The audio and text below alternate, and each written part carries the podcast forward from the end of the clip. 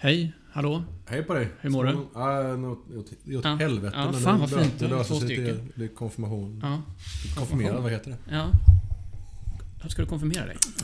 Nej, det har jag tyvärr redan gjort. Ja. Ska man inte säga någon. Jag hoppar av faktiskt.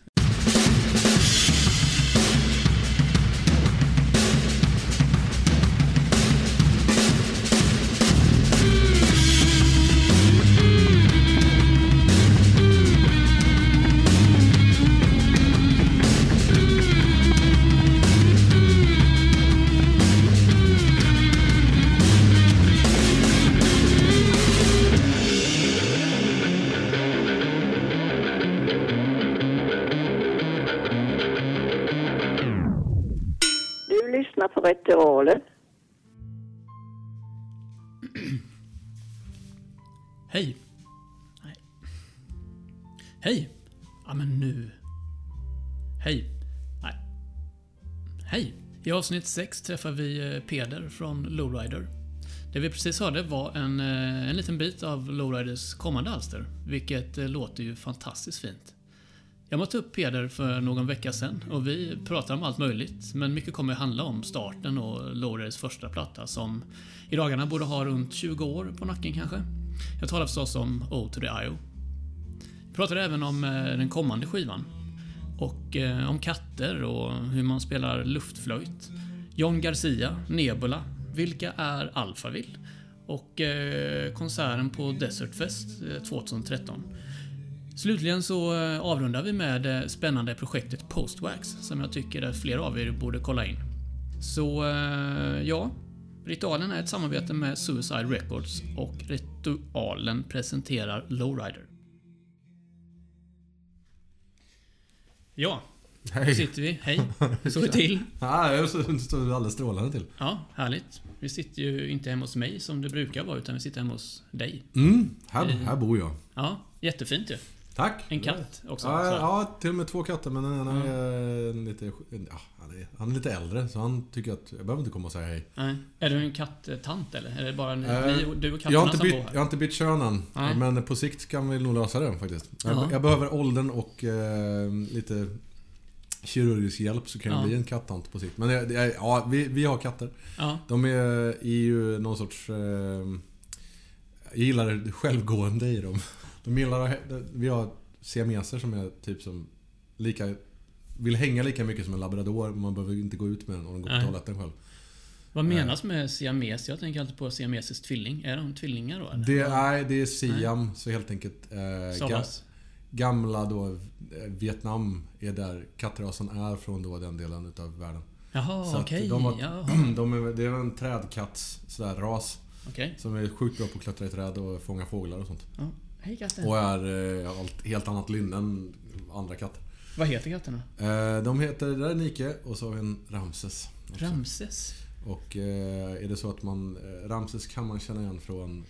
Han var även med i I Droids video till Given is Given. Aha, Med sin, alright. med sin förra syrra Hera som tyvärr inte är med längre. Men de två, Ja. de två fick vara med i musikvideo också. Trevligt. Så, så att, ja. Jag, jag, jag, jag känns som att jag... Jag verkar mycket mer av en kattant än vad jag egentligen är. Men jag gillar våra katter. Ja. Så det är väl inte så att jag så här. Jag skulle inte säga att jag är en kattperson, men jag gillar djur. Har du testat hund då? Eh, Jag skulle jättegärna vilja ha hund. Ja. Men eh, det är ju... eh, Det, det är, om man redan har barn så behöver man inte ha det. ytterligare en sak. Ja. ja, du har barn också. Det var Jag har barn ja. och det räcker ganska långt. Mm. Vi skulle jättegärna ha hund, men det blir ju verkligen så här. En hund går ju inte ut själv och så ska man behöva ha någon lösning för det dagtid och annat. Så det, det är ju... Men så här, Två band, eh, ett skivbolag, ett och ett halvt jobb och så. Alltså Ja. det blir ganska upptecknat redan. Ja, men är du ingen elitmänniska eller? Jag att Nej, jag är, ju, jag är ju värdelös. Det är det som... Ja, okej. det, det, Ja. Problemet är ju min egen, min egna tillkortakommanden. Ja, Ja. Nej, men det tycker jag det låter eh, rimligt. Okej, jag eh, som sagt sitter här med Peder.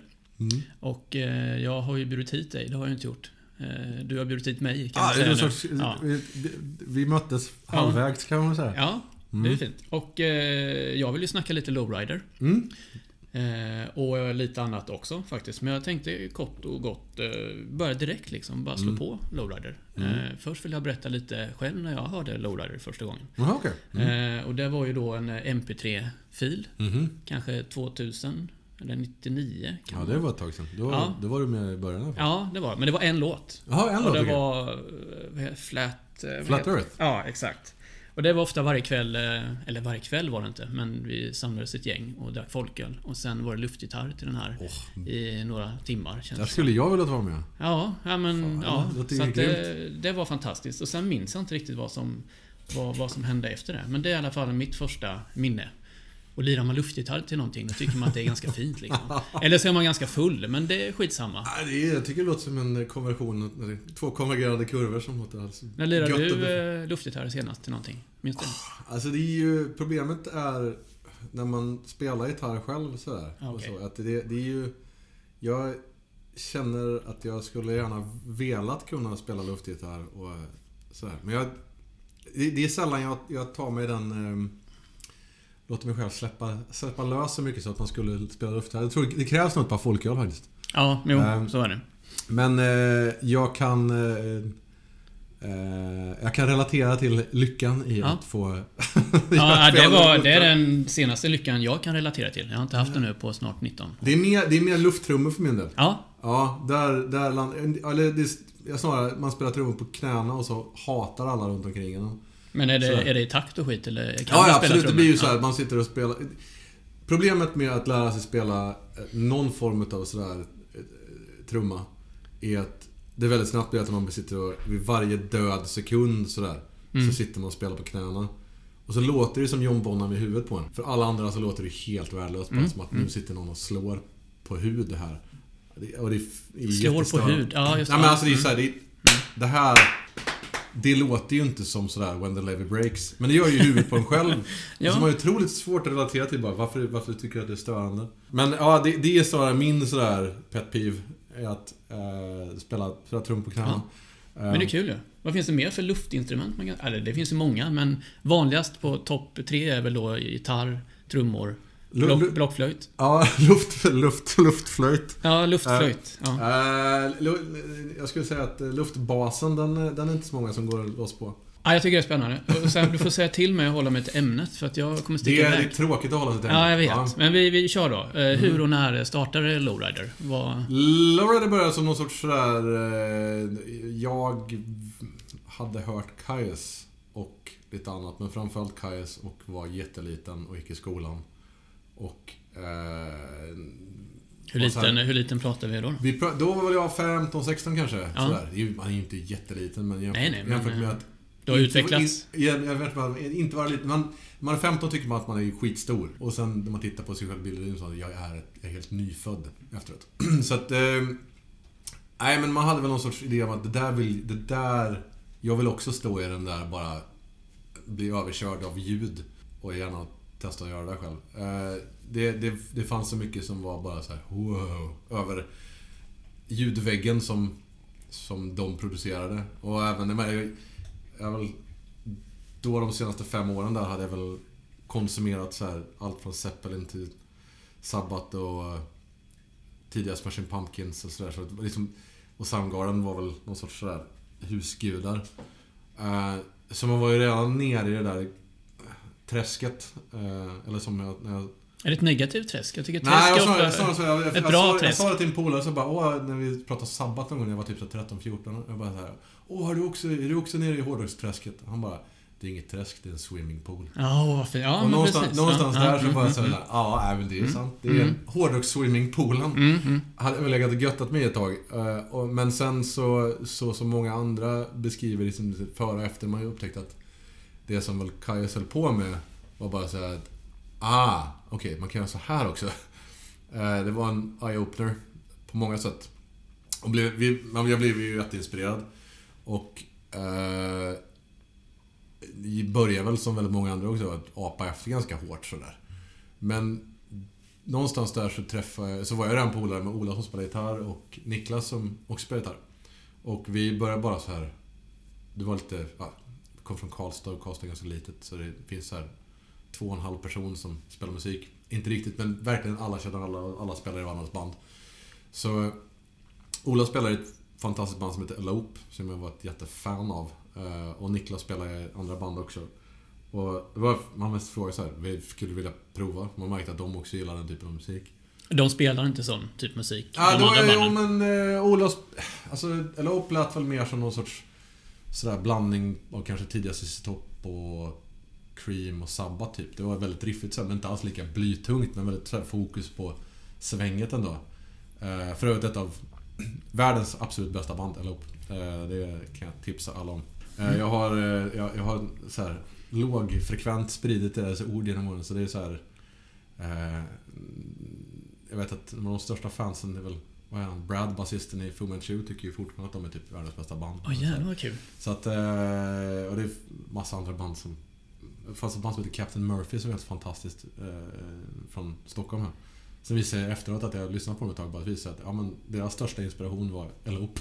deras vad första. EP. Eh, men det är lite såhär, Ja. best kept secret, det bandet. Mm. Men Ja. eh, likväl, Ola spelade och Niklas var också inne på samma typ av musik så vi bara så här, verkligen så här provade och bara jamma typ. Och direkt så hände det någonting. Så här. Och sen så var det mycket som bara tillfälle födde av att, föddes av att vi skulle så här göra någonting. Så det var mer bara att jag såg att ah, men nu ska det göras en samling här med något nytt bolag som heter Media City. Och de har en samling där ah, folk från Kaja ska vara med på den. Ah, men vi, så här, vi spelar in en demo och så skickar vi in och så ser vi vad som händer. Ni, ni hade talat om att det skulle släppas en samlings... Ja, precis. Det var så här. Och då hade Okej. vi precis varit och på skoj spelat in en låt vi hade gjort. Så första låten. Och där jag spelar trummor och gitarr och bas och Ola spelar gitarr och Nick spelar gitarr. Och så det var, verkligen så här, det var inte riktigt ett band. Det mer så här, vi spelar in en låt då. Och kom den låten med och sådär. Man bara, oj då. Så här, vi kanske måste mixa om. Nej, det får vi inte. Nej, ni har mastrat det. Okej, nu är det släppt. Hör du? Vilken låt var det då? Någon som är med på... Ja, det var Texas Part 1 and 2. Vi spelade in den igen till Old skivan men den, det var den som... Den som är där som egentligen så var någon sorts startskott. Så att... Och... Det är lite så röd tråd genom allt vi har gjort att det är mer så här efterfrågan födda att vi fortsätter. För det var så här, ja men nu måste vi ju styra upp det här. Och då gick Niklas en ljudteknikerutbildning i Karlskoga och en av hans klasskamrater och sa men han är bra på trummor. Vi kan ju testa honom. Och bara, ja, okej då. Och det är Andreas som spelar Ja, trummor. Så att han kom med och då var plötsligt såhär, ah, han är ju, han är ju bra på riktigt. Så här, för han... Så här, mina taffliga försök att spela trummor var ju så här, inte särskilt bra på trummor. Ehm, och så kommer han in och så är han så här typ som att vi har fått in Iron Pace från Deep Purple på trummor. Och bara Ah, nu höjdes ribban lite här bara. Ja. Kan... Inte så att vi Hur var det med prestationsångesten då? då? Nej, alltså Andreas är så jävla snäll och trevlig och lugn Mm, dalmas så att han liksom är, Han kommer inte in och ställer krav. Men han vill bara, man märker så här, ja ah, just det. Ett band, hur bra ett band är, lite så här. Har du en bra sångare och en bra trummis, eller inte bara en bra trummis, så kan alla andra vara ganska sugiga liksom. Du får fortfarande så här, det är ganska bra. Eh, sen hade vi turen av att Ola är svinbra på gitarr också. liksom Så här. Han är ju någon sorts Jimmy Page reinkarnerad. Han kan, liksom okej. inte, han kan inte spela på något annat sätt än Jimmy Page. För han har typ bara lyssnat på skivor som är släppta mellan 67 och 74. Fan vad fint. Ja. Mm. Han var ju, på riktigt så var det någon gång när vi repade så, och just Elope och vi delade replokal. Och så lyssnade de andra Elope och då kom så här Forever Young på, på radion. Ola var på riktigt så här, vad är det här för någonting? Man bara, det är Forever Young med Alphaville. Hur kan du missa den? Ja, jag, Bara- jag blev osäker om du menar en annan Forever Young, tänkte Nej, nej, Men nej, nej, det är ju Alphaville. Han Det är ju den som är den. Ja, han var, han var så här, verkligen så här. Hade ingen aning om vad är det här för sorts musik, typ så här, Vad är det som låter? Bara, det är en synt, Ola. Aha, ja, coolt. Redan där direkt när vi började repa så märkte man att här, nu blev det väldigt bra här. Eh, och sen så, ganska omgående då efter vi gjort den där Welcome to Mirror City eh, grejen så ville ju... Var det 98 typ? Eller? Det var 98 typ, Mm. ja. Så ville... Eh, så frågade Jad som då hade Mirror City. Bara så här, är det... Liksom, men vi, vi, vill ni släppa mer så här? Vi, vi, vi, vi kan bunta ihop er med ett nytt band som heter Nebula som är folk från Fu Manchu. Och bara så här, då var man som fanboy som bara... Eh, det vet jag vilka det är. Och vi, Är Kiss i brallan då eller? Nej, det var, det var inte... Ja, men det var väldigt så här, nästan så här lyckoskutt från replokalen, typ mer. Och lite så här, hur, hur gick det här till? Men eh, vi gjorde väl någonting rätt på den här samlingen. För det verkar som att folk tyckte att vårt bidrag var liksom så här stack ut och... Vilka var det mer på den då? Som... Det eh, var, det var en massa. Det var det Roadsaw och Dozer var med och... Så var John Garcia hade någon, från Kaios hade någon så här solopryl som var liksom akustisk. Så det var ju inte så... Det var inte så representativt för vad han gjort innan. Så det var inte Unida eller något sånt där? Utan Nej, han hade inte helt- bildat det än. Det var Nej, bara, okej. Då hade han så här, han, jag tror lite så här, han testade på vad han skulle göra efter liksom Kaios. De hade bara varit nedlagda i typ två år då. Ja, okej. Ja. Eh, Slowburn var väl precis sådär på väg att bli och sen blev det Unida. Men jag tror att det var, där var det väldigt så här uppe i luften. Jag tror att han mer såhär, ja jag jobbar som som eh, veterinär tills jag ser vad ska jag göra. Det var lite den, det läget liksom. Eh, Nu hittar du på en veterinär eller? nej, nej. Han det, är, det, är han jag tror det är det han som han, han är. Han är veterinär. Jag- Fan så jävla oväntat. Men ja, Nej, men han har en vurm för, vurm Ja. för djur också. Jag vet inte om det är han fortfarande men det var i alla fall det han höll på med då. Okej. Ja, den bilden har jag inte. Men ja, kul. Nej, men... Eh, så, som sagt, så det var, det var lite sådär... Allting hängde lite i luften där. Så eh, den här scenen som finns nu, den existerar inte riktigt. Den var så väldigt underground. Jag tyckte ju så att... Alla vet väl vad det här bandet är, bland de fem personer man känner. Men det var ju väldigt liksom sådär... När man sa så ja men jag lyssnar på Kaios. Det var såhär, ja Kajo bara. Eller Kiss eller bara såhär. Bara, ah, nej, nej, ingen aning. Folk tror man... Liksom, det, nu är det ändå såhär, visst de är fortfarande underground men det är ju Mm. mycket mer av en så här. Ja, det är som att namedroppa Mastodon eller liksom någonting. Det är, det är, ju- det är ju det är mycket mer household. Eh, men då var det ju liksom lite så här som en, en liten hemlighet man hade med en trädkojegrej liksom man hade med polare. Eh, Vilka var... Jag tänker på de mer eh, svenska banden där också då. Alltså det var, ju, det var ju en väldigt liten scen. För det var ju där någonstans jag lärde känna eh, Eh, Tommy Hollappa som nu spelar i Greenleaf och som då spelade i Dozer. De hade ju precis dragit igång då också. Så att liksom sen när, jag, när vi hade spelat in då de första låtarna som skulle bli till Nebula-splitten, det var ju det, det hade de på kassett. Och de bytte man fram och tillbaka med, med Tommy. Vi hade liksom, vi hade typ, någon forum, så här kassettbytarforum och VHS-bytarforum så här, som på nätet som man som man lärde känna folk. Så där jag lärde känna dels Dels Jad som hade Media men även Tommy som spelade Dozer. Och då sa ja jag har ett band som heter Dozer, vi är uppe, här är våran så här första demo. Och så fick jag det och blev helt knäckt över att det var så bra. Och så fick han våran första demo och blev helt knäckt för att det var så bra. Man bara, det blev någon sorts väldigt så här Någon sorts vänskap som uppstod väldigt snabbt där. Och sen släpptes den här Welcome to Meteor City samlingen och vi hade ett releaseparty för det i Borlänge. Där alla då de banden, de svenska banden som var med eh, på skivan spelade. Så det var vi och ett band som heter Sparsensa som var från Karlstad. Och sen eh, Dozer från Borlänge och deras polarband som hette, kallas för Demon Cleaner efter en Kajas låt. Eh, sådär. Men det, det, då var det en så här mikroscen liksom utav dem. Och sen så fan, vet jag att det fanns några, något band i, i Malmö som heter Ridge som också var så här, höll på med det. Men det var liksom väldigt så här att alla känner alla mode. Liksom. Eh, och, och sen blev det någon sorts sådär... När folk pratar om den här den svenska stoner-scenen så kan man egentligen prata om att ja, det rör sig om så här 6-7 personer. Liksom. Jag vet inte om det var någon jättescen, vi spelar ju inte så mycket i Sverige. Du Någonsin. menar att det pratas om det då? Inte pratas Nej, inte om det... nu eller när folk pratar om så här, ja, men Ja. den där svenska scenen bara så här, men ah, alltså det är ju egentligen så här, det är Truckfighters, Dozer, Lowrider och kanske något band Ja. till liksom. Det är inte, Men du kanske ska låta det vara så? Du, du tar ju bort magin nu. Nej men det, det, det är fortfarande finns det magi i det. Ja. Men bara, det är bara att det, när folk pratar om det som att det är en scen där folk är liksom så här. Det, det är inte så att alla är från samma stad eller att vi har spelat mm, tillsammans jättemycket på den tiden. Utan det är mer nu när så här Krökbacken och som sagt det har lite gått varvet runt och det har kommit en fanbase som har upptäckt de gamla grejerna. Okej. Och liksom. Nu finns det mycket mer av en scen skulle jag säga. Med, Definitivt. Med så här Skräcködlan och liksom andra band. Det, det, det, det som var då var verkligen så här, ja men det var några små så skott som stack upp i ma- marken men eh, det var väldigt i sin så här linda liksom. Mm.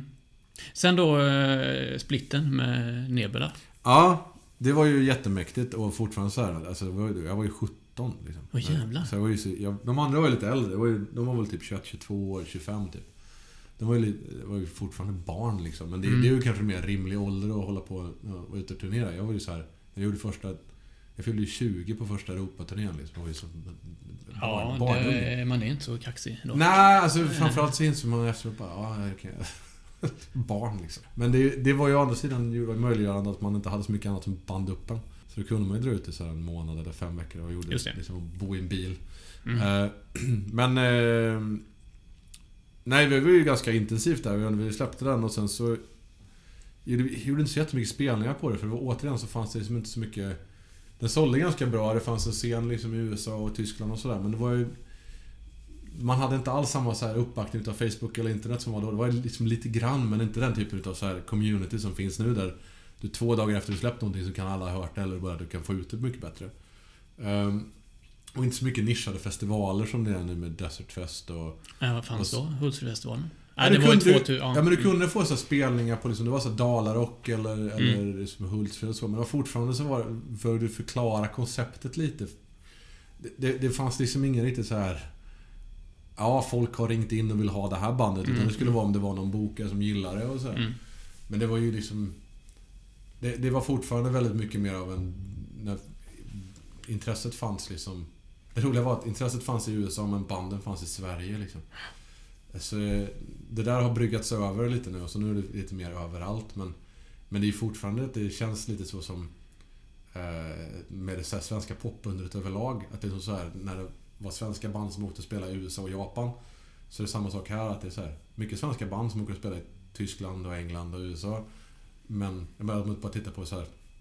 men, Som Truckfighters och Graveyard och Dozer och Greenleaf så är det så här, Visst, man gör ju spelningar i Sverige. Men det är ju inte alls på samma sätt som du är ute och bara plöjer liksom festivaler och spelningar i USA. Och, Jag tänker ju först, ja men Tyskland, de älskar ju allt fan. Ja. kan man åka dit och spela munspel så är det slutsålt fan. ja, Och det är ju härligt. Det är, det är ju framförallt så de, de har ju en helt annan så kultur kring att gilla musik och gå upp i det. Så det är ju skitkul att åka och spela. Eh, Splitten där i alla fall. Ja. Den gick bra i, eh, i staterna då i alla fall. Ja, alltså jag tror att det gick bra överlag lite grann. Det var ju lite genialt där av det som Judd gjorde då med Midgårdsyd att kom på den här split EP-grejen. Att vi liksom så här, vi tar något som vi vet kommer sälja. Och så bandlar vi med något vi vet är jättebra men som ingen skulle köpt annars. Liksom. Eh, och så skickade vi ut. Dozer fick ju då väldigt skjuts med att de bandades med Unida. Och vi gjorde en split med Nebula och fick liksom båda två fick ju, jag skulle säga att vi vi hade säkert kommit fram ändå på något sätt down the line, men vi fick ju en otrolig så här skjuts båda, båda banden av att vi kom ut på det sättet. För det var ju samtidigt då innan det kunde vara så här att ja, det var någon stor blogg som delade ut en sak. Utan sättet fram var ju att du spelade förband åt någon eller att du Mm. hamnade på en sån här split med någon eller på en samlingsskiva. Det var ju så du liksom så här du fick någon sorts snålskjuts. Så vi hade ju jättetur av att vi fick den chansen. Sen kände jag ändå så att vi vi förvaltade väl chansen och goofade och sånt. Vi gjorde, vi gjorde en bra EP liksom. Men det var ju, den hade ju inte haft alls samma uppmärksamhet om vi bara hade släppt den. Då hade den fått liksom så växa under tid. Så vi fick Det är ju... ju svinkul ju. Den, den sålde, jag minns det som att den sålde bra. Det var liksom lite så sista, tror jag, falangen av att man släppte skivor och fortfarande folk överlag köpte skivor. För då, där någonstans så var det ju där Napster började få, få liksom sådär fäste men var fortfarande Därav MP3 vi hade. Ja men precis, det var, ju så här, det 486. spriddes ju på det sättet också men det var ju fortfarande så att den minns jag, den sålde ju liksom. Vi fick ju så avräkning och bara Oj, vi fick pengar här för Ja, skivförsäljning. Jag tror att den sålde ändå ett, ett, ett par tusen ex liksom. Vilket ju är för en, Grymt. för en sån här nischad musikstil och vinyl är ju det idag bara så här, Oj, det är jättebra. Eh, så att, men det är ju också, där har vi turen av att det är folk som bryr sig om det fysiska formatet. Det är ju den här, det, det är liksom eh, inom rock och speciellt tung rock så här, överlag så, och hård rock så, där, så känns det som att folk Folk har en väldigt Jag skulle inte säga att de är baksträva, bakåtsträvare men bara så har väldigt kär, kärlek för att Stötta band Mer på en personlig nivå på ett annat sätt och framförallt eh, folk- När det kommer till hårdare, tyngre... Ja, alltså ja, ja. Alltså, f- Ja, fan, det- fandomen kring hårdrock är ju mycket mer så här.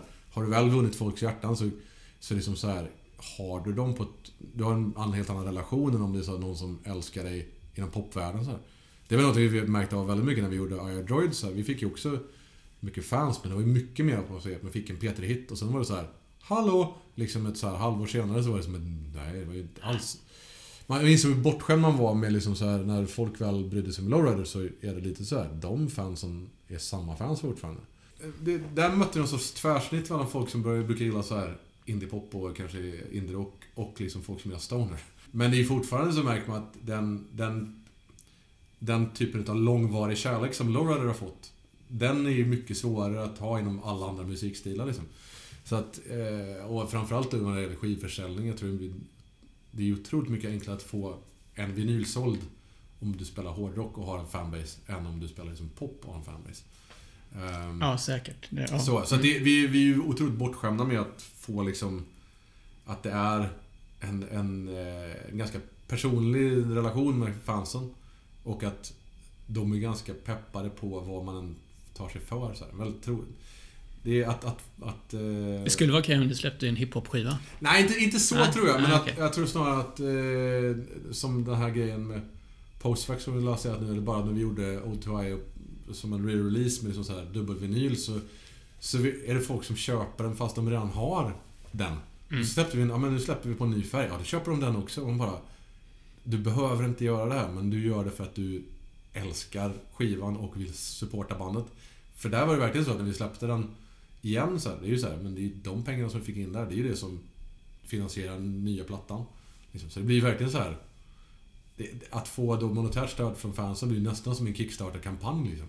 Det blir, det, ehm, ja, det blir väldigt... Och, och, och då så, särskilt nu så, så som man har Facebook som något sorts bara väldigt tunt membran mellan fans och band. Så, så blir det ju ännu mer så här Verkligen, man har direkt kontakt med folk. Och det blir väldigt personligt. Ibland träffar man folk på spelningar som bara ah, det är du! Så, här. så, så hade man ju lite förr i tiden när vi gjorde Nebula-splitten så skickade folk brev ibland så här, för man hade skrivit ut sin adress på skivan. Så då, bara om man mer från man någon sorts form av så här bokningstänk eller så. Ibland skrev folk bara Jag lyssnar på skivan, den är jättebra. Hej! Så här. Det var ju, de där breven har jag fortfarande kvar, men det är ju... Ett den- handskrivet brev pratar Ja, om. det var så här, folk som skickade handskrivna brev. Det var ju Ja. fantastiskt.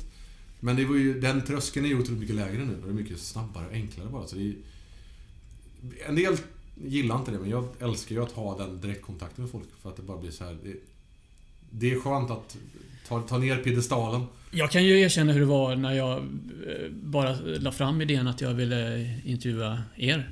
Så hade jag varit på en AV och druckit så tre, fyra öl kanske. Mm. Så köpte jag cigg på vägen hem. För att det måste jag göra ibland.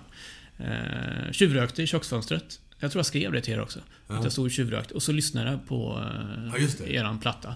Ja, det var, och då var det mycket luftgitarr. Och sen tänkte jag, jag måste ju skriva nu. Men jag kan inte skriva på fyllan för då... Men det gjorde jag ju. det är bra. Ja, det gjorde jag. Ska och sen har jag fortsatt lite med det. Jag, Mm. Inte bara på fyllan utan jag bara, nu fan ska jag säga till folk? För det är lite så här, lite osvenskt att faktiskt säga till ett band eh, Fan vad bra ni var. Mm. Vad duktiga ni är. Eh, ja, du vet ju det där att eh, när man går förbi någon som man känner igen är ett band så bara "Nej, jag tittar bort lite. Det här, eh, de ska ju spela snart. Istället för att bara säga att Ja, men Det, det, är viss, det är ju olika liksom. Vissa är, tycker inte... ja, Man kan vara väldigt skygga så här. Tycker inte riktigt om att ha så här... Den typen Så kan det absolut men, vara. Ja. Men, men alltså... Jag blir ju mer så här. Jag tycker det blir väldigt konstigt när man möter folk på spelningar och så kan de vara så här. Hej, hörru, jag tycker väldigt... Och man bara, Hej, vad heter du? Bara så här, Ja, jag, ja. Alltså... Men de har ju kämpat för att gå fram till dig då, tänker jag. Ja, och det blir, det blir ju... Då försöker jag väldigt snabbt ta ner det bara så här. Tja, vad käkar du till frukost? Och bara så kan vi bara... Så här, Ja, ja, det är snyggt. för det blir ju väldigt... Jag har ju ingen relation till mig själv som att jag är någon sorts sådär, att man ska vara på en pedestal. Det är jättekonstigt att ha den relationen till dem när man träffar dem. Så där försöker man döda ganska fort. Ja, det är snyggt. Ja. Men det är också att jag tycker att enda anledningen till att jag står där och får spela är ju för att du har betalt en biljett. Det är ju så här snarare jag ska säga tack liksom. Ehm, Det, det är särskilt 2018 att få hålla på med musik och få betalt för det.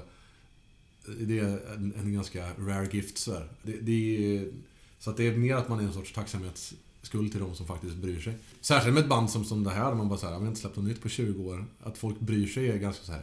oj då. Ja, det är Tack. så jävla fint. Men när vi snackar skiva då, då är vi inne i eh, nästa skivsläpp. Som är eran eh, fullängdare. Och Som, ja, ja, som släpptes 2000. Ja, just det. Den, den, vi spelade in den, tror jag, vintern någonstans. 99, 2000. Och sen släpptes den på våren, tror jag, någonstans där på. Ja, det, var, det, var, det gick ändå ganska undan så här. För den spelade vi in under... Vi bara bodde i studion i två veckor och spelade in och mixade allting på en gång. För det var just att, i och med att Andreas och Niklas båda gick på ljudteknikerutbildningen i Karlskoga, så hade de ju tillgång till Ah, studion okej. vi spelade in. Ja. Så då var det bara så här, ja men då spelar vi in där då. Så där. Och sen så har man insett efteråt, när man efterhand så fått vara i andra musikstudior, så är det som att ja, den vi var i var en ganska fet studio. så, där, så vi betalar ju otroligt lite för att vara där. Eh, men vi hade ju begränsad tid såklart, så det var ju liksom så här, vi, vi bodde i studion och verkligen verkte fram den där skivan. Men den är ju, jag tycker man hör på den nu att den är väldigt så här. Den Nebula-splitten var ju mer inspelad av så här. Varje låt var en session med kanske en månads mellanrum. Där hör man så här, olika trumljud, olika gitarrljud. Den är mycket så här mer splittrad medan Otario låter så här. Här är en inspelad på sen och samma gång. På gott och på ont liksom. Den är ju ganska oproddad. Men har, har ju någonting av att den är så här. Den har ju själ, tycker jag då. Ja, men det, det, ja. den är ganska... Jag har insett efteråt den den är inte överproducerad överhuvudtaget. Den är ganska rå liksom. Det är bara så här, det är verkligen rätt in och så... Visst, vi har lagt liksom lite kärlek på att mixa, men den är ju... Det är inget så här kill your darling, så att man bara Fan, vi måste ändra på det här. nu Nej, kör det- vi det- liksom det- på känsla. Jag minns att jag satt och var så bara, vi hade knappt sovit. Det Bara, man hatade låtar när man slutade. Man har suttit i två veckor och bara lyssnat på varenda grej. Man bara... Öh! Och man bara satt, tänkte så här, det här blir bara skit. Liksom. Det bara typ så här, satt och lyssnade på, vad var så här, Convoy 5 eller någonting på den här skivan. Så var jag så här, ah, eller typ Flat Earth. Det var så här, men det här, är, det här är världens sämsta låt. Och det blir så jävla dåligt allting. Eh, och, så, och sen så fick det gå två veckor efter man hade så här, typ mixat klart. Vi skulle mastra bara själv också. Man lyssnade på det bara. Fan, det här är ganska bra. Så, här, så fick man pepp igen. Och sen så släpptes det ju och så hade, hade den någon sorts otroligt så här långsam...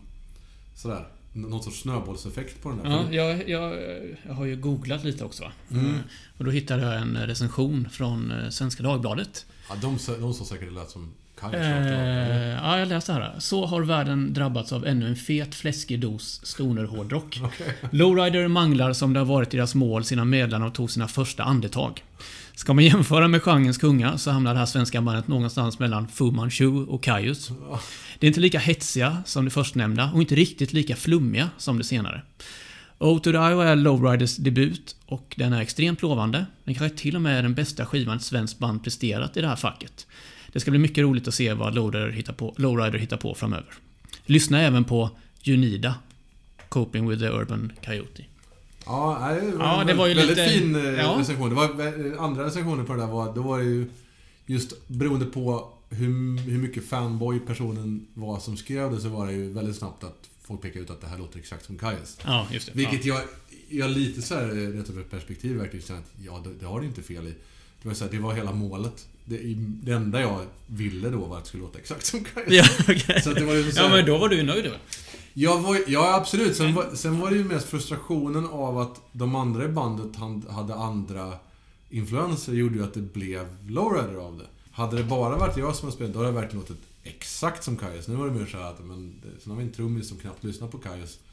Uh, och så har vi en, liksom, en gitarrist som är uppvuxen på Zeppelin. Vilket är ju inte så här, det är inte världsfrånvänt mot vad Kajus är, men det är det är ju det jag insett att det är det som är räddningen och det som gör att Laura är, Att jag tror det, den skivan vi gjorde har någonting eget och som sen fått växa till sig.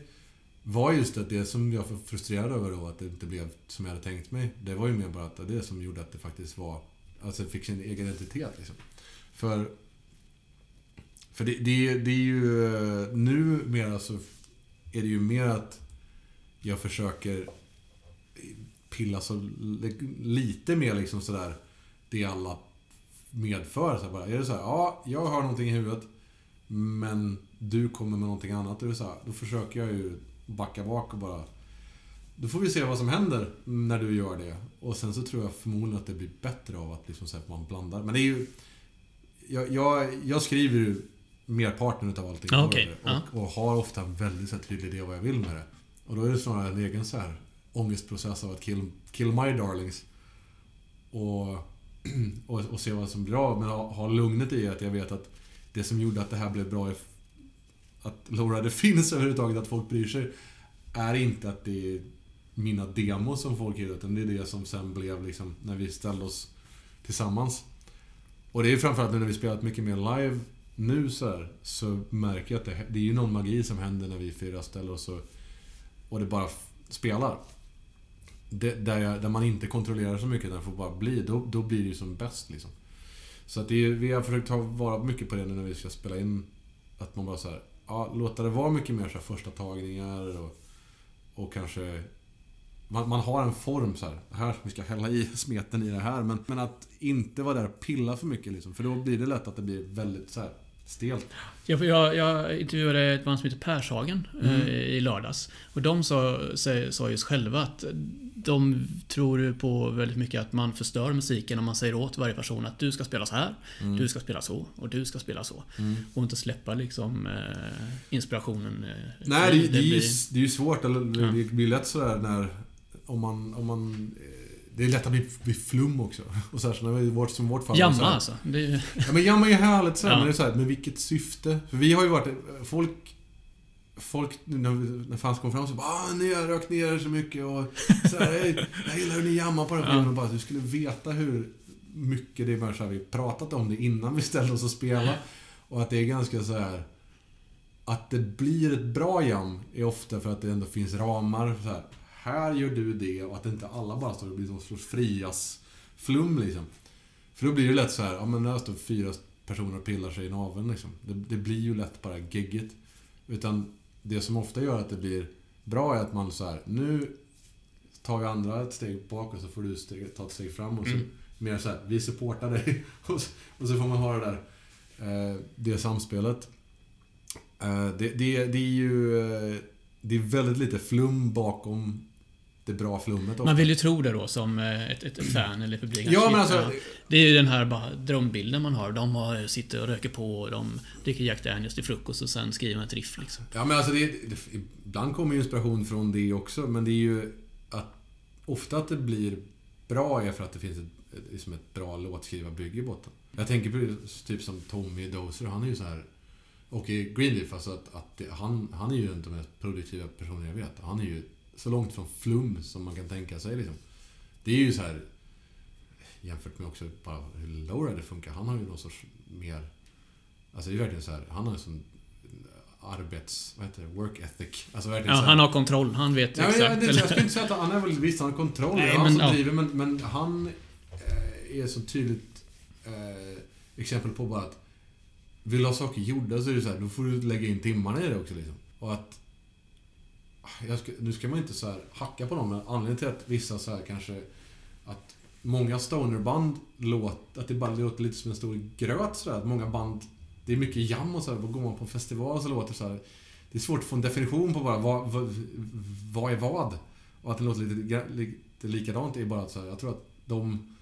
Det som väl är särskillnaden på många av de svenska banden så här, är att det kommer från ett ganska oflummigt grundtänk.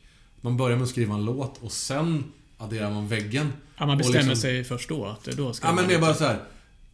Ja, men jag snackade med ah, han som sjunger och spelar gitarr i Skräcködlan, polare. Han, vi bara satt och pratade om att båda vi skriver ofta riff på en akustisk gitarr och sådär. För att man, man vet att är det där någonstans du börjar så här, så har du väldigt så här, låt, det är bara det är en låt från början. Och sen kan du addera hur mycket vägg och bas och liksom flum och kaos du vill på det, men du har någon sorts grund av att bara så här. Det är lokomotiv i botten som gör jobbet liksom. Uh, för det är hur lätt som helst att skaffa sig en orange liksom stack och Jag har en. En är inte stack, jag har en liten. Men jag Ja. spelar aldrig på den. Nej men, men, Men jag så det, ser, den är snygg liksom. Ja, ja, absolut. Och det, det, jag, jag älskar ju en volymvägg. Mm. Men det är ju... Det, det är ju bara... Om det inte finns liksom någon sorts syfte med det så, här, så blir det ju... Ja, det, det- blir ju lätt att bara säga ja, nu har jag lyssnat på Randagadagadan liksom i så här fem minuter. Man bara, men... Det, är- det är svårt, det är inga hooks liksom. Det behöver inte alltid vara en poplåt, men, men det, det är det som jag tycker just var... Är grejen med dem som är de stora namnen inom allting så är bara att, ja men... Man kollar på så här Fu Manchu och Kais och så, man bara så här, det är ju det är ju hooks överallt. Mm. Det är ju som så här, det är som jävla hittar. Liksom varenda riff är ju bara så här, men basgången är en hit. Här, trumkompet är en sån här hit liksom. Det, det, är, det är så... Det är så strösslat med liksom bara så här, ah, det är ingen som bara ställer sig och flumspelare. Det är, det, det, är, det är... Jag hör liksom låtskriveriet så mycket det. Är det som är att man i efterhand inser bara så här, men det som gjorde att jag älskade Kajs var bara så att Även om de plockade ut bara så här en gitarrgrej, en basgrej, en trumgrej så var det så här, Jag kunde sitta och lyssna på bara basspelet och vara så wow, Fy vad det- fint. Det Ja. bästa jag har hört liksom. Ja. Så, Ja, om vi backar till eh, år 2000 igen. ja. Eh. Den Mm. skivan är då nu eh, 18-19 år helt enkelt. Hur Ja, känns det då? För den har ju levt med hela tiden också. Det är just det. Jag tänker, ni släppte ju en reissue. När var det? Ja, för två år sedan typ så gjorde vi, gjorde vi remaster på den. Eh, då, vi, vi fick framförallt tillbaka rättigheterna på, på skivan så vi kunde släppa den själva liksom. Uh, för innan så hade allt legat hos Medius Video, sen så fick vi tillbaka rättigheterna på det. eh, och kunde släppa under egen flagg liksom sådär. Och då var det då... Nej, ni, jag såg er på Desert Fest i Berlin. Ja, just Men då har ni kanske inte släppt det än. Det var er, Ja. den första gången vi spelade där så hade vi inte släppt den. Men så andra- 2013 har jag skrivit. Men, 2013 då, då var det precis, då var det, Ja. var återföreningsspelning. Ja. Det var ju, då såg ju du först, uff, det var ju, det var ju så här för jag, jag får liksom... Jag blev tårögd när jag tänker på det, för det var nästan det starkaste konsertögonblicket jag var med om. När... Ja, fan. Vi har ju- jag har lite gåshud. Ja, men ja, vi har ju inte, vi har ju inte, alltså... För det första så hade vi ju inte liksom... Vi hade inte riktigt fattat hur det där hade vuxit till sig. Jag har hållit på och harvat med Smile Droid och kämpat med det liksom i 5-6 år och verkligen... Var, jag hade inte glömt bort Lowrider på ett sätt. Och att man varit så inne på det. Och sist man hade hållit på med Lowrider så var det lite så här, då var man ganska bara mätt på hela stoner-prylen och ville göra någonting annat. Så här, gillade fortfarande mycket bas och mycket vägg och sådär. Men var inne på helt andra influenser. Och, eh, och sen så bara så... Jag vet inte, började så här, komma mejl lite oftare med folk som bara skrev så här. Ah, jag älskar Lowrider. Man bara, ja, fan vad, fan vad kul, så här, mäktigt. Men så bara märkte man att det var någon, det var någon, det låg och bubbla någonting. Och så där någonstans mellan så här, 2005 och 2010 så märkte man att här börjar komma en scen liksom. Och så...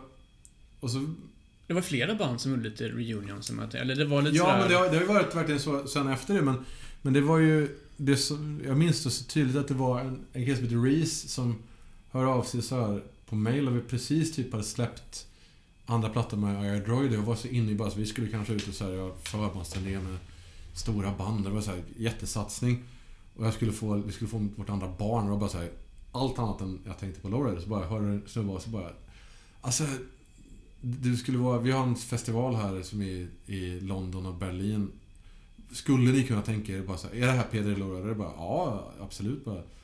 Skulle, du- skulle du kunna tänka dig bara återförenas för en spelning?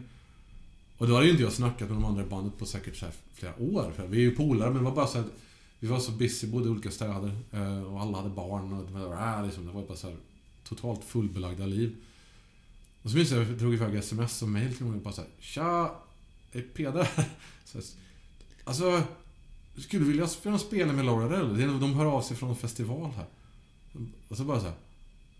Absolut! Liksom så här.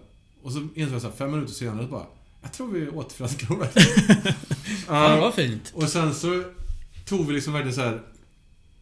Då, vi hade då på inte, alla vi fyra hade inte setts på säkert sju år. På, vi hade träffats så här, men inte alla på en och samma gång. Eh, och så hade vi bokat, så vi kunde repa en gång innan vi skulle åka iväg. Så vi hade lyssnat på skivorna och sådär och suttit hemma lite. Men då hade vi liksom så här ett rep här i Stockholm innan vi skulle flyga iväg, dagen innan så här. Ett rep innan. Ja, eller vi skulle repa en gång till dagen efter, men vi hade Ah, typ okej. två rep innan vi skulle dra. För var, vi skulle, inte- då skulle vi inte spela nya grejer, utan det var så här, vi skulle spela gamla grejer. Då satt den ganska mycket i ryggen, men vi skulle mer såhär, ja, för att se hur det går. Ja, okej. ja. Mm. Men så med så är det ju så här. Vi ställde oss och spelade replokalen och så bara blev det... Stod man med så världens bredaste leende och var så här. Det var liksom som att komma hem. Och allt, det, var, det var som att det hade gått fem minuter samtidigt som man bara märkte att vi har lite grått skägg här. Ja. bara, nu har det hänt lite men... Men det var... Man insåg vad det var som var så naturligt med just de, oss fyra och att spela. Eh, och sen åkte vi iväg och... eh, och Desert Fest Berlin var först och sen spelade vi London dagen efter.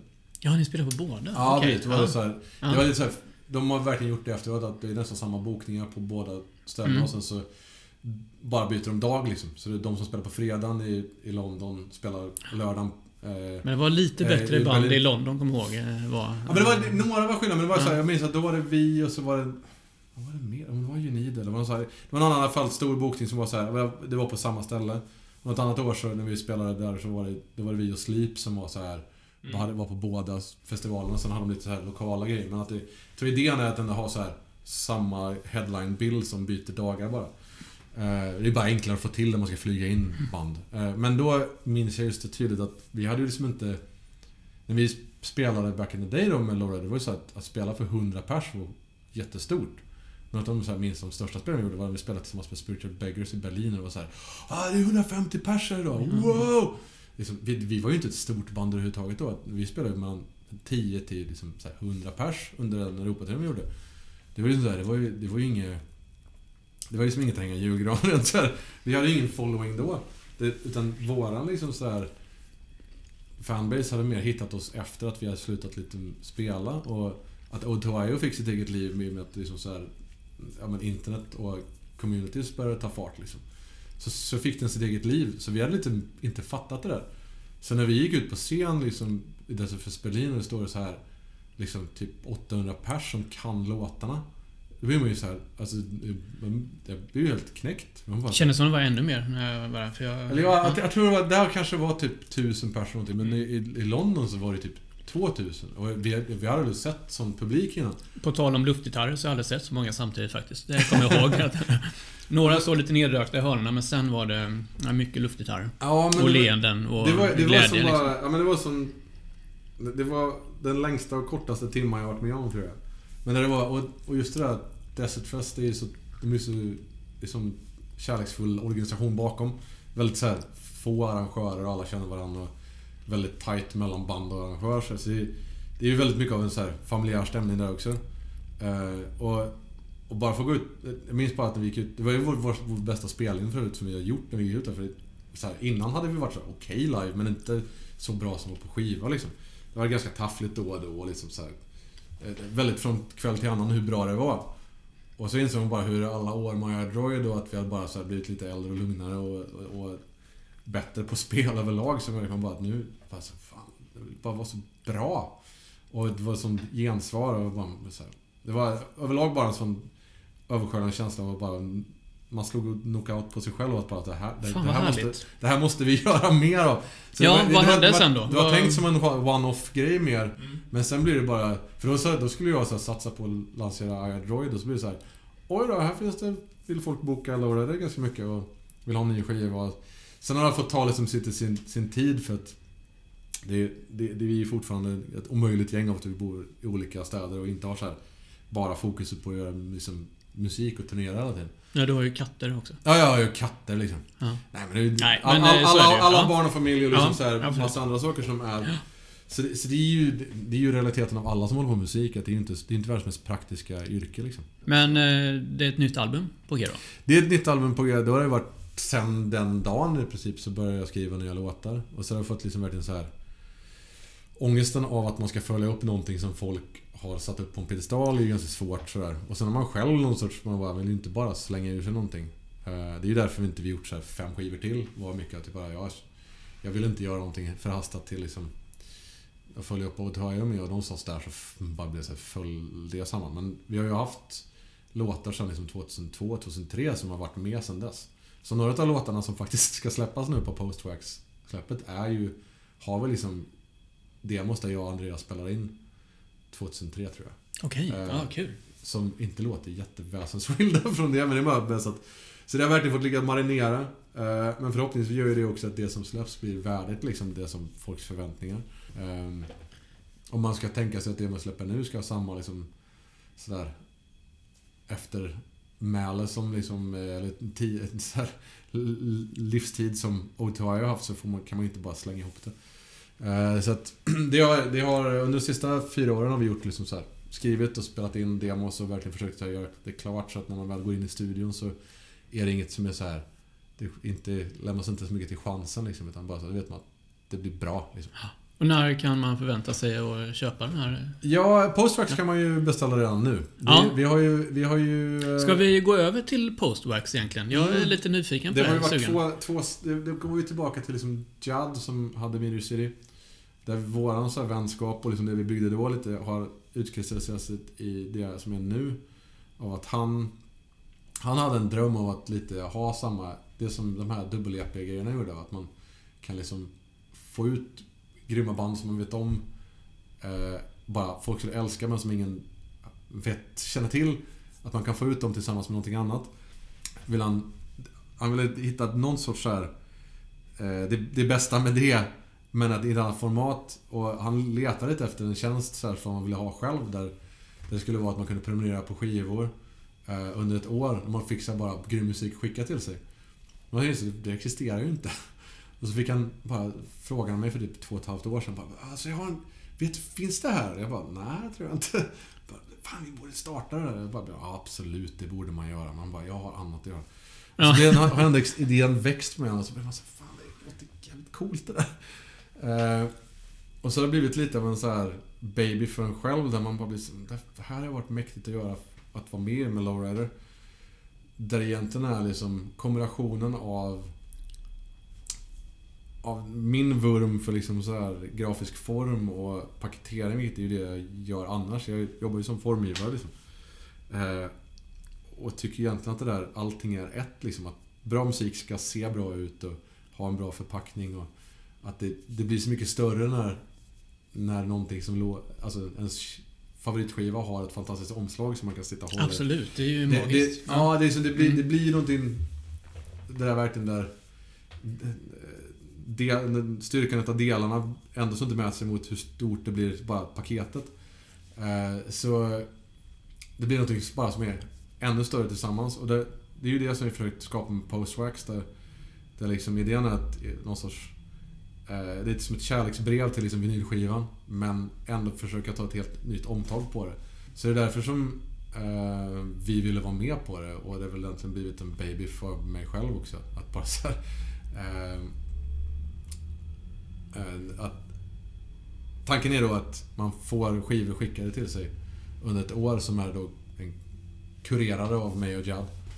Där det är lite som att man gör ett blandband till någon. Så man, lite så här, Men det är väl eh, saknar man. Ja, man, som man tycker, Ja. men den grejen man så här, man satt och gjorde ett blandband. Till någon som man både tycker om och som man lite vill imponera på. Så är det så här, det här är lite samma sak att det är så här, men fan, du kommer älska det här bara. Jag vet inte vad jag. Nej, men lyssna på det. Och vilka, vilka finns med i det här blandbandet nu då? Vilka var- Uh, blandbandet till Ja. året består av eh, Elder, som väl är någon sorts så här headline på det hela. De har inte släppt någonting på ett tag och det här är deras första så här, Där de dessutom gör någonting helt annat. eh, än vad de gjort innan. Eller vad menar du? De gör något helt annat? Ja, men det är det som... Det, na, typ. Så Ja. det är lite det som... Det får hela, kan du inte säga då. hela, jo, men, hela tänket med, med, men med Postwax är ju att det ska få vara så här bara, här, ni får en 12-tummare, gör vad ni vill med formatet. Att det, du behöver inte ha en singel, det behöver inte vara så här. Ja, vill ni göra ena sidan är en liksom så här 18 minuter lång instrumental. Fine, gör det. Bara ni känner att ni så här, eh, testar gränserna på vad ni är som band. Liksom. Och det passar ju dem fantastiskt så här, så de blir ju skitpeppade av det. Egentligen skulle de säga, ja men vi kanske ska göra typ så här ett par låtar. Så kommer de tillbaka och bara, ja, vi har spelat in nu. Det, det blev tre låtar på totalt så här, över 40 minuters speltid. Fy vad fint. Liksom Ja, så här, mm, där, där mm. de, där de eh, äntligen fick... De hade, han, Nick, eh, som sjunger, han och spelar gitarr, han, han hade liksom gamla så här låtskisser och sånt som han inte riktigt hade passat för någonting han gjort innan. Så de bara sa det här är perfekt. Så de i princip då gick in och, och hade det här som någon sorts skelett men under två dagar bara jammade ut de tre låtarna. Så eh, de håller på att mixa det nu. Eh, så att det är det första som släpps. Är det liksom så här. Man får se äldre som något i en helt ny kostym liksom. Sådär. Eh, Spännande. Shit. och sen, ja. eh, sen är det då Lowrider. Som eh, ska släppa... Det kommer att vara en fem eller sex låtar som då kommer vara... I princip så är det som vi har spelat live de senaste åren med nya låtarna. Så det här var första som kommer ut från oss. Eh, och sen kommer det dessutom vara... Idén med Postwax också är att det är liksom saker som bara hamnar på vinylen. Det är man, mediet lämpar sig inte så bra för att så här spola förbi eller byta låt och så, utan man faktiskt lyssnar. Eh, och det är ju lite en kärleksförklaring till det. Bara så här, fan, det, var så, det, det finns någonting fint i att man bara så här, nu lyssnar vi och så blir det jobbigt att byta låt eller bara så här hoppa förbi. Då, det blir att man mer tar in ett album som en helhet liksom. Så att därför så kommer det vara, på våran release kommer det vara så här, vi kommer kanske ha med liksom de här demoversionerna av de gamla låtarna kommer vara med där bara. Ah, okej. Så de släpps, Kul. ingen, de släpps, de släpps liksom ingen annanstans. Och, Men då, då har vi Elder och Lowrider. Vilka Ja. har vi med? Eh, vi har Besvärjelsen som är eh, rytmsektionen från Dozer. Johan och Erik. Eh, de OG-medlemmarna. De har ett nytt band med andra, gäng andra polare från eh, deras Dalarna, hemstad i Falun och eh, Borlänge där som... Ja, det heter Besvärjelsen som är, jag tror är fyra, fem, sex pers. Eh, väldigt så här eh, Otroligt svängigt och ganska eh, proggigt. Eh, och tungt som fan. De håller också på att spela in precis nu, så det är väldigt så här, Allting händer liksom lite simultant, vilket känns jävligt kul. Och alla är väldigt peppade på just grundformatet. Bara så här, Vi får lite göra vad vi vill. Jag vet inte vad det kommer ta vägen egentligen. Det är det som Jo är men alltså man, man har ju någon sorts garanti att man vet att det är folk som inte kommer fucka upp liksom sitt läge så här. Det är inte så att folk kommer ja vi vill att stärkaren står på i 20 minuter här. Du får släppa det här. Nej, nej, nej. Utan det är ju... Men det är ju... Man märker att mm, bandens ögon öppnas lite grann i form av så här. Ja just det, man kan... Så här, då kan man göra det här, det här, det här. Det är inte så att det, här kanske är band som var så jättebetyngda av att de måste leverera en singel eller någonting. Men det är ändå... I andra fall, men det är ändå så här. Man har... Att, att få det här som ett format blir ändå så här... Man märker att det öppnar upp tankar på vad man kan göra som gör att folk blir väldigt peppade. Och det känns väldigt kul. Men sen har vi ett band som heter Daxma. Eh, och ett band som heter Spotlights. Som är båda amerikanska band. Spotlights, eh, de är väl mest kända för att de har... De har släppt en eller två skivor tror jag. Men eh, de har varit ute och turnerat med Melvins och även spelat på Roadburn. Och är också helt fantastiska. Verkligen så här vägg av ljud. Eh, som eh, jättepeppad på att se vad de kom, kommer fram med också. Eh, Ja. Men de är ju också bland de som är mer så här.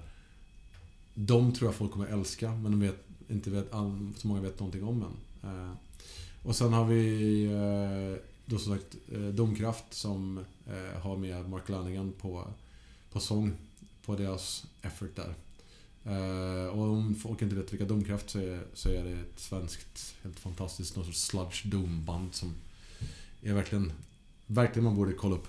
Uh, uh, så att det är verkligen så här, det är, jag, inte, jag skulle inte säga så brokigt startfält, men det är verkligen så här det här blandbandsgrejen brukar börja utkristallisera sig.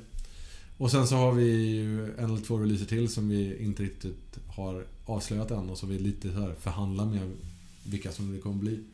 Men där jag kan säga att det kommer bli fantastiskt mäktiga släpp där också.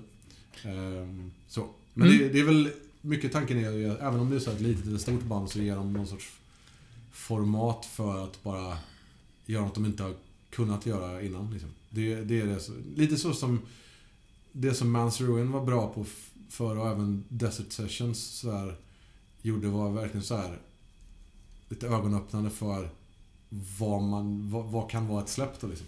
Att det behöver inte vara så mycket så här det, det de man vanligtvis gör utan mer bara så här förhålla sig till någon sorts kärna vad, vad bandet står för och, och få experimentera. Vilket känns svinkul även för Lowrider Mm. liksom. Jag, jag är ju... Ja, men jag är ju pepp på Mm. att att signa upp.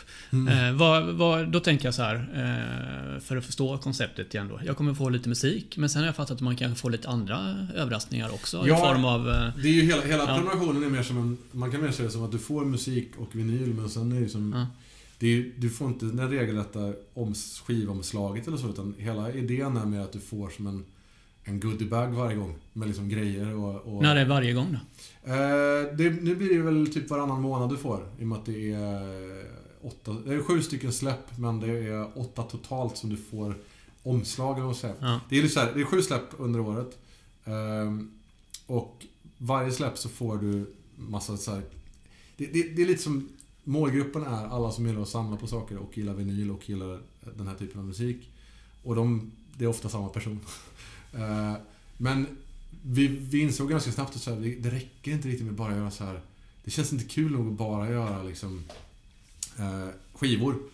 Utan det så här, det är att kunna så här, ta ett nytag på vad, vad är ett skivomslag då? Och då, något som jag drömt om väldigt länge och som jag gjorde lite med iDroid var bara så här, men försöka tänka utanför boxen med vad ett omslag är. Och det är ofta, vi är frustrerade över att det är ofta ett väldigt fint omslag och sen så smackar man på en logga och en albumtitel och så blir det plötsligt Ja, nu är ett skivomslag men jag skulle helst vilja ha den där som en poster. Liksom bara skivomslaget så här. Eh, så det är det som framförallt är med Postwax, att varje omslag är egentligen en poster som du får då i, Okej, i en... ja. Du Spännande. tänker dig sådana här som eh, samlar, samlar eh, serietidningar brukar vara i. Sån här hård plastficka. Som de kommer i för att så här, skydda mot att, ja, repor och annat och bara så att få något som ska hålla. Vi har liksom tagit fram en egen plastficka i sånt material som Ah, okej. är för vinyl. Som alla skivor kommer i. Men då är liksom omslaget som då får framsidan, den är då en poster som du kan ta ut som är 12 x 12 tum. Vad fint. Eh, Ja. Så att du får egentligen, omslaget är då en, ett artwork som vi har en illustratör som gör. Ehm, så den kan ta ut och rama in om du vill eller bara titta på som sig själv. Och sen trycks liksom allt eh, bandnamn och albumtitel och sånt. Det trycks på själva plastfickan. Så ligger egentligen, så det blir som en så här lager på lager grej. Där, och sen eh, utöver det så kommer du få med en massa go, så här, en goodiebag varenda gång. Av, det kommer med så custom patches och eh, under året kommer du även få samla ihop en kortlek. Fy vad Så, fint. så som, det, är, det är massa så här. Det är mer så att tänka... Det är mer som en så här en godispåse du får varenda gång av grejer. Eh, Där skivan är en sak, men där egentligen du får sam, samlar artiklar varenda gång. Så var, varje skiva bandlas med, eh, med åtta stycken spelkort. Som är då i slutet av året så har du samlat ihop en hel kortlek. Där de klädda korten är då alla bandmedlemmarna som är under året. Ah, Och okej. så där, du, får, du får en postwax-kortlek under året. Så det här är en utav grejerna du får liksom så här, där vi försöker liksom ta kliv bort från så här bara, men vad... Att det är som så här, om man tänker liksom så här, g- grundmånaden ett år, så här, ah, snyggt omslag. Och sen fick du med en, ett klistermärke. Bara, ja, det är, så här, ja, det är kul. Ja, men, ja, visst, men hur, kan, hur kan man göra det här men bara känna som att man gör någonting mer utav det?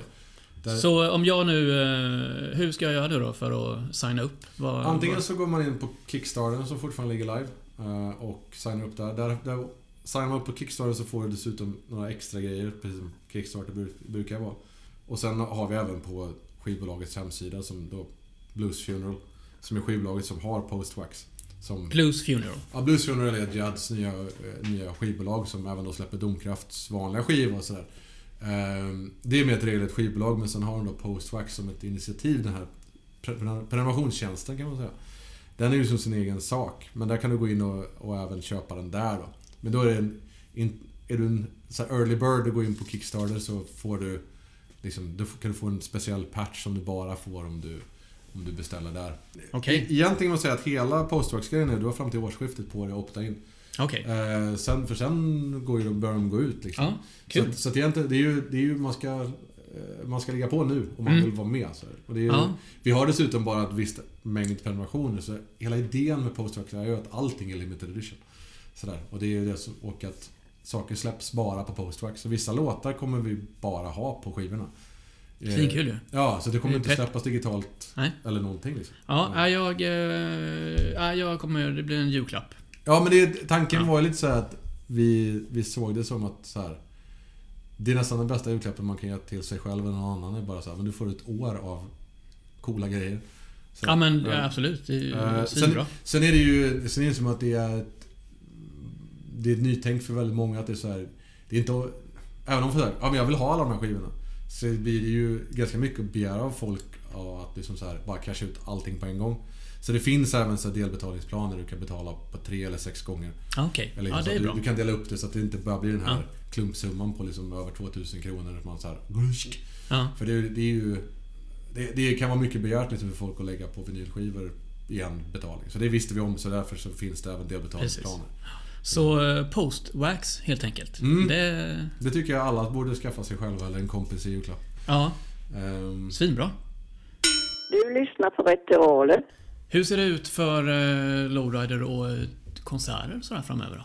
Vad... ja, vi är ju inte, vi är inte det mest turnerande så här, Nej, nej, bandet. Så det, det har vi ju, det är ganska frustrerande för folk. Så där. Vi folk bara, men när ska ni spela i Sverige nästa gång? Mm, jag, jag vet inte. Det har ju varit snack om vi skulle spela på Krökbacken men det har varit svårt att få ihop med annan planering. Vi, skulle varit där i somras men då blev det bara att det gick inte just det datumet. Så blev det så här, ja, okej. Och sen är ju överlag så är det inte så att det är liksom den, den här typen av musik är inte så att den har jättemånga venues i Sverige. Om du spelar så spelar du liksom på någon liten klubb och sådär. Och det finns inga pengar i det. Och ett sånt band som vi, som är, bor i liksom, fyra olika städer, så blir det Det finns någon sorts grundplåt för det blir så här, det går back. Om man Ja, taktar jo, liksom. Ja. Ehm, och det blir dessutom, det finns ingenting, det bara så här, men vi drar bara ner och spelar. Och bara, ja, drar ner och spelar. För någon av oss blir det en bilresa på 30 mil ena vägen. Så det, det är liksom, där är vi ju ganska svårbokade.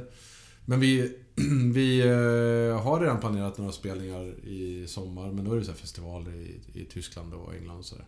Det pratas även om att vi skulle eh, spela, eh, kanske dra till USA och göra någon festivalspelning där. Men det, det är lite... Vår fokus nu är ju att göra klart liksom post-wax-inspelning och sen i förlängningen även vårt album. Som är... Tanken är att vi ska egentligen få ut både post-wax och...